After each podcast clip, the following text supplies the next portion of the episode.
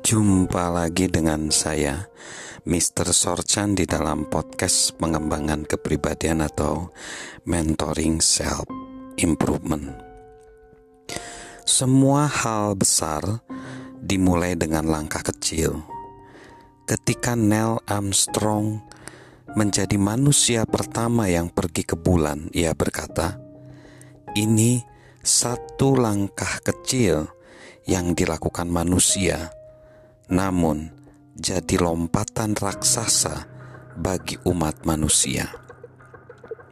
Namun, awal prestasi tersebut telah terjadi puluhan tahun sebelumnya.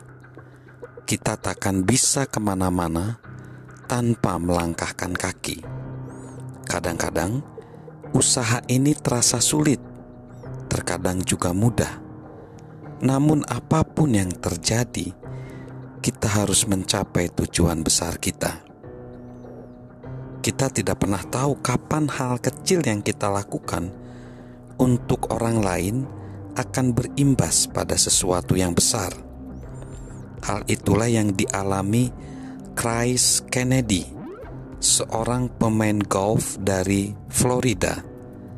Pada tahun dua, pada tahun 2014, dia ditantang melakukan ice Bucket Challenge yang dilakukan untuk tujuan amal. Kennedy meneruskan tantangan pada sepupu istrinya, Janet Senersia, karena keduanya dikenal suka saling menggoda dan memberikan tantangan.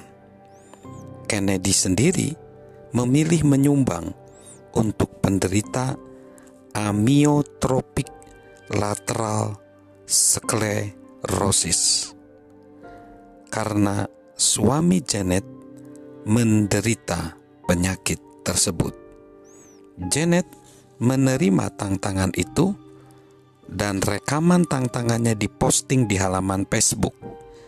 Dia pun menantang orang lain melakukan hal yang sama. Itulah salah satu contoh awalan kecil demi sesuatu yang besar. Dalam dunia digital saat ini, kita banyak bicara soal-soal viral, jadi pembicaraan. Istilah viral sendiri diciptakan karena banyak gagasan-gagasan dan tindakan inisiatif yang bisa menyebar cepat layaknya virus. Hampir semua hal dimulai dengan ide tunggal Misalnya sebuah pernyataan tegas, video YouTube, foto kreatif dan lainnya. Semua dapat menyebar cepat melalui internet.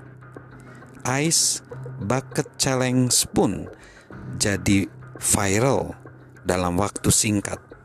Bag dan itu adalah bentuk kegiatan untuk menyumbang dana bagi asosiasi ALS dengan menyiram diri dengan air es.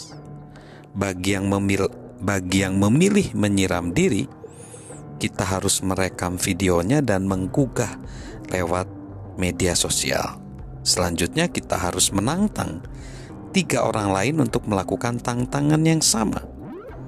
Kegiatan ini ternyata menjadi cara penggalangan dana yang brilian untuk membantu memerangi penyakit ALS yang mungkin tidak banyak diketahui orang. Kebanyakan orang yang ditantang memilih menyumbang namun tetap bersedia disiram air es. So, Ice Bucket Challenge ini pada tahun 2 Juli sampai September 2014 saja sudah bisa mengumpulkan 113 juta 300 ribu dolar Amerika. Jadi jumlah ini udah jauh lebih banyak dari sumbangan angka sebelumnya yang mencapai 2 juta 700 ribu. Nggak tahu sekarang udah jadi berapa. So, itulah bersediakah kita memulai sesuatu yang kecil, dan mungkin saja bisa berdampak besar seperti Ice Bucket Challenge ALS. Mulailah dengan langkah kecil dan dengan keyakinan yang besar. Salam sukses luar biasa dari saya, Mr. Sorchan.